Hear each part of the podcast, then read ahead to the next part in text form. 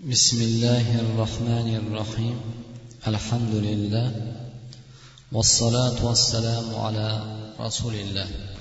أما بعد السلام عليكم ورحمة الله وبركاته. alloh subhanava taolo bandalarini bani odamni boshqa maxluqotlaridan afzalligi juda ko'p behisobdir. Ana shu afzallik fazilatli bo'lgan sifatlaridan bittasi bu alloh subhanava taolo sizu biz bandalarini so'z bilan kalom bilan afzal qildi. Chunki juda ko'p maxluqotlari bu ne'matdan mahrumdirlar. Va ana shu so'zning so'zlaydigan a'zo bu tildir. Alloh subhanava taolo bu tilni demak sizu biz bandalariga ne'mat qilib bergan. Bu birodarlar ne'mat deyiladi. Alloh subhanava taolo bergan bu ne'matni demak kimdir yaxshi yo'lda va kimdir yomon yo'lda foydalanishiga qarab bu til ya'ni egasining boshiga yoki rahmat yoki bir azob olib kelishi balo olib kelishi mumkin. Shuning uchun ham qaysi bir inson olloh bergan bu ne'matni xayrlik yo'lda olloh rozi bo'lgan yo'lda sarf qiladigan bo'lsa ishlatadigan bo'lsa bu bandasi dunyo saodatini topadi. Shaksiz va shubhasiz birodarlar berilgan bu til ne'matini agar olloh rozi bo'ladigan olloh ko'rsatgan yo'lga sarf qilinadigan bo'lsa ya'ni gapiradigan ishlatadigan bo'lsa birodarlar bu egasi shaksiz va shubhasiz. Hech qandoq shak bo'lishi mumkin emaski buning egasi albatta dunyo saodatini topadi. Va albatta oxiratda oliy jannat maqomlarini topadi. Va agar bu tilni olloh rozi bo'lmagan o'zining shahvati o'zining nafsi va shaytonning tug'yoniga ergashadigan bo'lsa albatta dunyo va oxiratni halokatini topadi rasululloh sollallohu alayhi vasallam marhamat qilib aytadilarki sabaqal mufarridun قالوا وما المفردون يا رسول الله قال الذاكرون الله كثيرا والذاكرات ya'ni juda ham oldinga mufarridunlar juda oldinlab ketdi ular. Xayrlik amalda savoblik amallarda juda oldin ketdi ular. Hech kim yetolmaydigan maqomni allohning rahmatini allohni jannatini dunyo oxiratni saodatini eng oldida ketdi ular deganlarida sahobalar so'radilarki ya rasululloh ular kimlar? Deganda u zot aytdilarki ollohning ko'p zikr qiladigan ollohni ko'p eslaydigan mo'min va mo'mina muslim va muslimalar bandalardir deganlar. Demak ollohning eslashlik allohning zikr qilishlik birodarlar keyingi jumamizda inshaalloh foydalari boshqa boshqa masalaga so'zlashamiz. Demak buni foydasi natijasi faqat o'zimiz uchundir. Dunyo va oxiratni saodatini topishligimiz uchun ya'ni sabab bo'lar ekan. Demak sizu bizlarni mana shu o'tirishimiz ham ollohni zikr qilishlik bo'ladi. Ollohni eslashlik hisoblanadi. Qachon? Qachonki agar bu yerga qadam bosib kelganlar. Ollohning roziligi ollohning ibodatini topaman deb ya'ni qilaman deb ollohning roziligini topaman deb qadam ranjida qilib kelgan birodarlar albatta shaksiz va shubhasiz inshaalloh bu jam bo'lishimiz ham ollohni zikri hisoblanadi. Demak bugungi mavzuimiz rasululloh sollallohu alayhi vasallam قال النبي صلى الله عليه وسلم خيركم خيركم لأهله وأنا خيركم لأهله sizlarning yaxshilaringiz dedi sizlarning yaxshilaringiz ta'kidlab ya'ni sizlarni yaxshi bo'lishi mumkin ana shu yaxshi odamlarning ham yaxshirog'i ahllariga ahli ayoliga yaxshilik qilgani dedilar Ya'ni ahli ayoliga yaxshilik qilganingiz sizlarning yaxshilaringizni yaxshirog'idir. Va ana xayrukum li ahli. Va men sizlarning ichlaringizda ahllarimga yaxshirog'idirman deb aytdilar. Demak ayollariga rasululloh sollallohu alayhi vasallamdan ko'ra yaxshiroq haqqini ado qilgan omonatdor bo'lgan odamni topmaymiz birodarlar. Hech qachon. Payg'ambarimiz sollallohu alayhi vasallamdan ayollariga yaxshiroq bo'lgan ularni haqiqiy olloh tomonidan berilgan omonat ekanligini va bu omonatni haqqini ado qilishlik tek bu zotda hech kim bo'lolmaydi. Lekin nima uchun va ana ahli deb o'zini zikr qildilar? Ya'ni men sizlarning ichlaringizda ayollariga yaxshiroq muomalada bo'ladigan menman deydilar chunki alloh alloh subhanava taolo ya'ni rasul payg'ambar sizlarga nimani olib kelgan bo'lsa shu narsani olinglar dedilar. Va nima narsadan qaytargan bo'lsa shu narsadan qaytinglar aytdi alloh. Demak rasululloh sollallohu alayhi vasallam ahli ayoliga ularning haqqini ularning o'zini martabasini ularning omonatini mas'uliyatini ularning ta'lim tarbiyasini ta'lim tarbiyasini ado qilishlikda bu zotdan birodarlar namuna olishligimizga chaqirdilar. Boshqa bir hadisda hajjatul vadoda ya'ni oxirgi o'sha hajlarida rasululloh sollallohu alayhi vasallam ko'p ummatlariga ya'ni mauiza qildi. Ularni dunyo va oxiratini saodatini topadigan yo'lni ko'rsatdilar. Shunda aytdilarki ya'ni ahli ayollaringizga omonatdor bo'ling dedilar. Ayollaringizga xotinlaringizga olloh nomahram bo'lgan sizlar uchun mahram bo'lmagan nomahram bo'lib ya'ni xulva ham sizlarni xolis qolishlik ham harom bo'lgan bir nomahram bo'lgan ayolni olloh sizlarga halol qilib berdi. O'zini ismi bilan. Demak ana shu ayollaringizga omonatdor bo'ling. Ya'ni ularni haqqini ado qiling. Mendan ayollaringizni haqqini ado qilishlik masalasida ayollarning o'zini darajasini qaysi bir holatda tutishlik masalasida bo'lgan ta'lim tarbiyani mendan olinglar dedilar. Shundoq vasiyat qildi.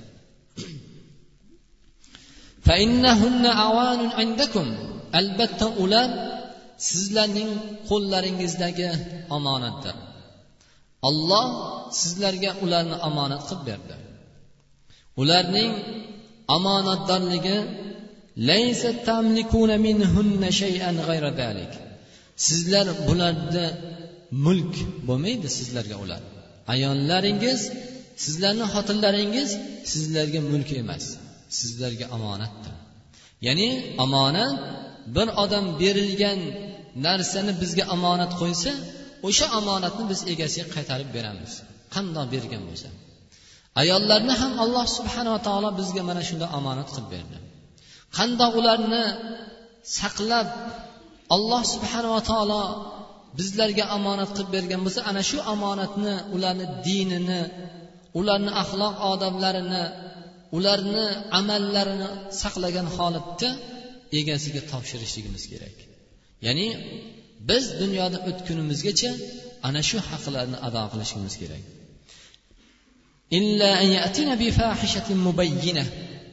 Faqatgina fohish ochiqdan ochiq bir fohish ishi bilan kelgandagina sizlar boshqa narsaga erishasizlar. Ularni odoblab axloqlay olasizlar. Ya'ni demak fohish deganda biz birodarlar bu kalimadan fohishalik ma'nosini aynan tushunmasligimiz kerak. Bu gunoh eriga itoatsizlik modomiki er ayolini to'g'ri halol yo'lga va gunoh yo'lga buyurmasa itoat etishligini sizlar man bilgan edik. Demak ana shu ayollarimizga gunoh yo'ldan o'tmasdan modomiki to'g'ri halol yo'lda yurarkan biz ulardan hech narsa boshqa narsaga ega emasmiz. Agar ular mana shundoq fohish ishni qiladigan bo'lsa sizlar ulardan joylaringni ta'lim qarangki birinchi madoji yotadigan o'rinlaringda ajratinglar. Ya'ni ta'lim uchun tarbiya uchun.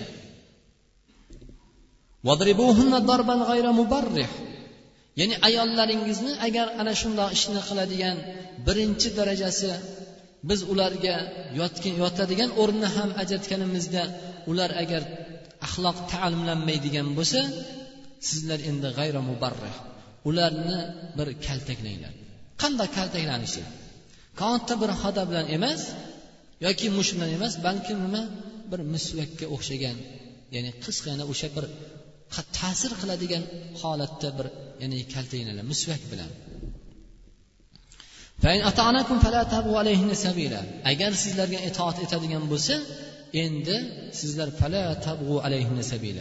sizlar endi ularga boshqa bo'xton malomat boshqa yo'llarni axtarmanglar ala innalakum ala nisaikum haqqan sizlar ogoh bo'linglarki ya'ni sizlarning ayollaringiz ustida haqlaringiz bordir ya'ni xotinlaringiz ustida sizlarni haqlaringiz bor va nisaikum alaykum haqqan va ayollaringizni sizlarni teppalaringizda haqlari bordir فأما حقكم على نسائكم فلا يؤتئن يوطئن فرشكم من تكرهون ولا يأذن في بيوتكم لمن تكرهون demak sizlarning ayollaringiz ustidagi haqlaringiz talab qiladigan ya'ni sizlarning o'rinlaringizga sizlar yomon ko'radigan odamni o'tqizmaydi dedilar va sizlarning uylaringizga sizlar yomon ko'radigan odamga izn bermaydi ayollaringiz dedilar Va ayollaringizni ala va haqquhunna alaykum an tuhsinu ilayhinna fi kiswatihinna va ta'amihin sizlarning ustlaringizda ayollaringizni haqlari ya'ni sizlar ularga kiyim kechagidan libosida va yitirgan taomlarida sizlar ularga ehson qilasizlar. Haqqini ado qilasizlar deb rasululloh bayon qildi.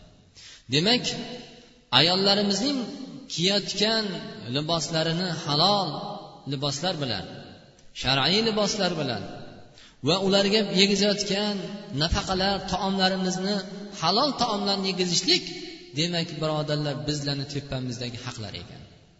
Demak sizlarni agar sizu bizlarni tepamizga bir odam bir haq qo'yadigan vazifa qo'yadigan bo'lsa biz biz o'sha vazifasini ado qilamiz. O'sha narsani ado qilmagunimizgacha o'zimizda mas'uliyatni ko'tara olmaymiz.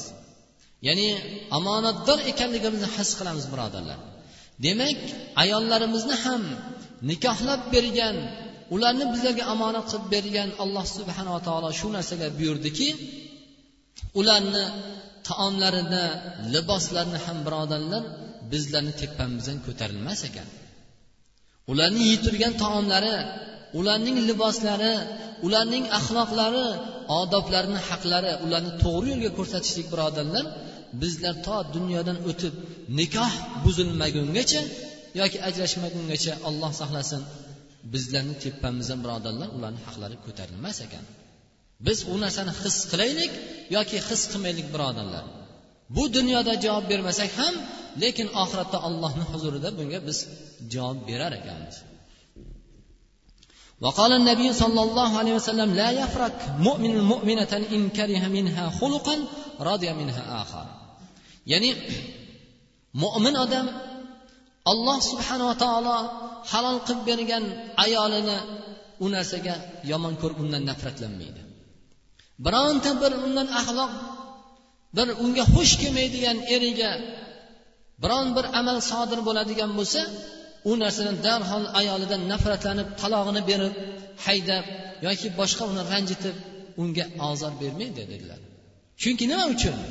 Chunki olloh subhanava taolo bu ayolni ba'zi xulqi eriga noxush bo'ladigan bo'lsa ham lekin boshqa tomonidan u ayolning afifat ya'ni iffatlik ayolligidan yoki soliha bir ayolligidan yoki boshqa bir eriga juda ko'p ma'qul keladigan amallaridan erini manzur qilishi mumkin. Shuning uchun darhol bir amalini orqasidan ayollaringizni darhol yomon ko'rib ulardan nafratlanib ularni butun ota onalari hammasini bani tuhmat qilib boshqa qilib yo'lga o'tmanglar. Chunki olloh subhanava taolo bu ayolni boshqa bir axloqlarini boshqa bir sifatlarini sizlarga manzur qilib qo'ydiku deb rasululloh sollallohu alayhi vasallam bayon qilgan ekanlar وقال النبي صلى الله عليه وسلم أكمل المؤمنين إيمانا أحسنهم خلقا وخيارهم خيارهم لنسائهم ya'ni mo'minlarning eng afzali kim iymonlari komil bo'lgan ya'ni iymonda mustahkam bo'lgan komil bo'lgan mo'min bu eng komil mo'min komil bo'ladi va ularning eng yaxshisi eng afzal xuluqlari va ularning eng yaxshisi ularning eng yaxshisi kim? Ayollariga yaxshi bo'lgan dedilar demak ayollarimizga yaxshi bo'lishligimiz ularni nafsi shahvati xohlagan narsani qilib berib nima narsani xohlasa muhayyo qilib qo'yishlikni o'zida emas birodarlar. Ularni o'zini olloh belgilagan martabada qo'yishligimiz.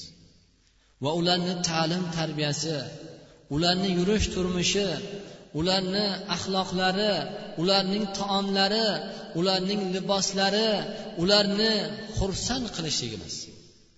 Ularni o'rtamizdagi muhabbatni ziyoda bo'lishi uchun islom buyurgan hadoyalar. Ya'ni sahobalar ba'zi bir sahobalar aytar ekanki ayolim men uchun qandoq ziynatlanadigan bo'lsa o'ziga xushbo'y atir sepib chiroyli bo'ladigan bo'lsa men ham ayolimga mana shunda xushbo'y bo'laman degan ekanlar. Ya'ni bir birlarini o'rtasidagi haq huquqlarni birodarlar mana shundoq ado qilganlar. Va albatta sizu bizlar allohga hamdlar bo'lsin. Juda ko'p qo'limizda kitoblarimiz va alloh subhanava taolo sizu bizlarga masjidlarimizda juda ko'p ya'ni suhbatlar yoki olimlarimizni suhbatlarini eshitib juda ko'p ya'ni manfaatlandik. Bu albatta alloh subhanava taolo sizu bizni tinchligimiz vatanimizni tinchligi lekin bu o'qigan eshitgan ilmlarimiz birodarlar biz amal qilishligimiz uchun yetib ortadigan ilmlarni ham eshiting birodarlar. Biz juda ko'p narsani hech narsa bilganimiz yo'q deymiz. Va albatta dinimizni to'g'ri qilishligimiz uchun to'g'ri bir halol yo'lda yurishligimiz uchun ba'zi yetarlik ilmlarni va yetarli kitoblarni alhamdulillah ya'ni topdik birodarlar. Lekin bizni hayotimizda bilgan eshitgan ilmlarimizni tatbiqi bo'lyaptimi yoki yo'qmi? فإن أصحاب النبي صلى الله عليه وسلم رسول الله صلى الله عليه وسلمni ashoblari sahobalar shundoq u zotdan payg'ambarimizni ta'lim olishar ekanlar ya'ni o'n oyat o'n oyat ta'lim olar ekanlar ya'ni o'nta oyatni rasulullohdan sollallohu alayhi vasallamdan olar ekanlar ikkinchi bir oyatga o'tmas ekanlar toki o'sha bilgan oyatga bilib va amal qilmagungacha. Shuning uchun ular aytar ekanki biz rasululloh sollallohu alayhi vasallamdan ilmni oldik va amal bilan birga oldik degan ekanlar. Ilmni ham olganlar u zotdan yonlarida suhbatda bo'lgan qur'onni eshitgan qur'onni yodlagan lekin amal bilan olib ketishgan. Qur'onni eshitib qo'yib juda bu chiroyli o'qirkan juda mazza qildik deb ketmas ekanlar. Chunki fudoyl ibn iyod rahmatulloh alayhi aytgan ekanlarki qur'on bihi fattakhadha an-nasu qira'atahu amalan. Bu qur'onni alloh subhanava taolo amal qilish uchun nozil qildi bizlarga. Bizlarni qalblarimizga jismlarimizga ruhiy jismiy dardlarimizga shifo qilib alloh tomonidan bizga rahmat qilib nozil qildi. Lekin odamlar odamlar bu qur'onning qiroat qilib qo'yishligimiz o'zi biz uchun amal deb o'ylashadigan bo'lib qoldi degan ekanlar. Ya'ni qur'onni ichidagi narsaga emas qur'onning qiroat qilib qo'yishligini o'zi yoki eshitib qo'yishlikni o'zi bu amal qilyapmiz biz deydigan darajada bo'lib qoldi odamlar deb aytgan ekanlar. Sahobalar shundoq bir holatda ulamolar bir amal qilishganligi haqida juda ko'p ularni hayotlaridan voqea keltirgan ekanki o'tgangi sahobalar ham olimlar salaflar ham albatta dinda bir narsa biladigan bo'lsa bir narsani hukmini bir to'g'ri yo'lni yoki noto'g'ri yo'lni biladigan bo'lsa shu yo'lni eshitib qo'yib ularni quloqlarida qolib ketmas ekanlar. Yoki ularni yodlarida qolib ketmas ekan. Ular ana shu bilgan narsalariga amal qilishlikda musobaqa o'ynashar ekan. Bilgan narsasi haqida amal qilishlikni darhol hayotlariga tadbiq qilar ekanlar. Bu haqida ummul mo'minin ummu habiba roziyallohu anhu aytadilarki rasululloh sollallohu alayhi vasallamdan ushbu hadisni rivoyat qilib من صلى اثنتي عشر ركعة في يوم وليلة بني له بهن بيت في الجنة kim agar bir kunda o'n ikki rakat nafl namoz o'qiydigan bo'lsa farzlardan tashqari olloh bu bandasiga bunyalahu baytan fil janna jannatda bir qasr barpo qiladi deb bayon qilgan hadisni shu hadisni rivoyat qilgan ekanlar rasululloh sollallohu alayhi vasallam ummu habiba roziyallohu anhu onalarimiz Mana shu hadisni rivoyat qilgan u zot aytadilarki min rasulillahi sollallohu alayhi vasallam men rasululloh sollallohu alayhi vasallamdan ushbu hadisni eshitganimdan keyin hech qachon bu o'n ikki rakatlik nafl namozni tark qilmadim degan ekanlar. Ular hayotlariga mana shuni tadbiq qilgan birodarlar. Juda zo'r ekan juda zo'r o'qirkan juda zo'r gap bo'ldi deb chiqib ketmagan ekan ular. Ya'ni eshitgan o'qigan ilmlariga mana shunda amal qilganlar. Va ibn umar roziyallohu anhu aytadilarki ma muslimin lahu shay'un yusi fihi yabitu thalatha layalin illa wa wasiyatuhu maktubatun. Imom buxoriy rivoyat qilgan ushbu hadisda ibn umar roziyallohu aytgan ekanlarki rasululloh sollallohu alayhi vasallam aytdilar qaysi bir insonni boshqa bironta bir vasiyat qiladigan vasiyat qiladigan bir amali bo'ladigan bo'lsa haq bo'ladigan bo'lsa o'sha vasiyatni qilmasdan u odam uch kecha kunduz uxlamasin degan ekanlar. Ya'ni uch kecha kunduzgacha sur yurmasin. Kimda agar vasiyat qiladigan haq bo'lsa uni darhol vasiyat qilsin yozib qo'ysin. Mendan vasiyat farzandlariga bo'lsin yoki ahli ayoliga bo'lsin yoki yor birodarlariga bo'lgan vasiyati bo'ladigan bo'lsa u haq haq vasiyat haqqi bo'ladigan bo'lsa bu odam yurmasin. Ya'ni u vasiyatni darhol ado qilsin. Degan mana shu hadisni eshitib abdulloh ibn umar aytgan menga bir kecha o'tmadiki albatta nima vasiyat qiladigan bo'lsam albatta o'sha vasiyatimni yozib qo'ydim. Ya'ni yozib qoldiraman degan ekanlar. Chunki inson kirgan nafasni birodarlar chiqishiga hech kim kafolat berolmaydi. Chiqqan nafasni kirishiga hech kim kafolat berolmaydi.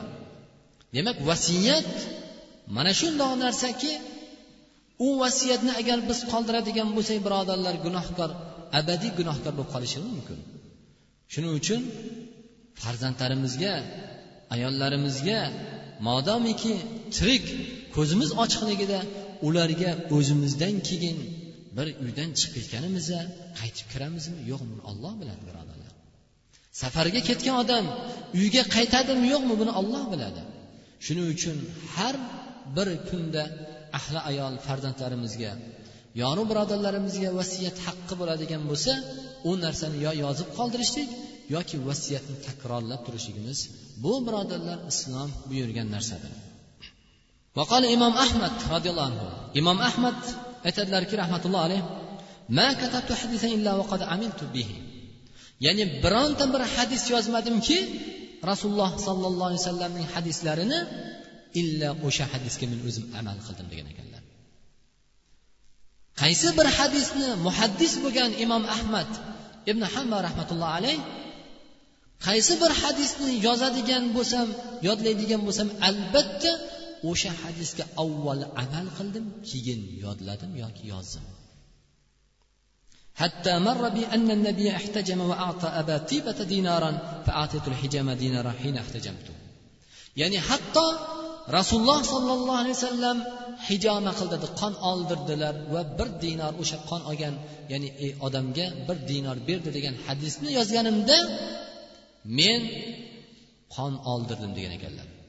Bunga agar muhtoj bo'lmasa ham qaranglar bunga muhtoj bo'lmasa ham imom ahmad qon oldirdim degan ekanlar.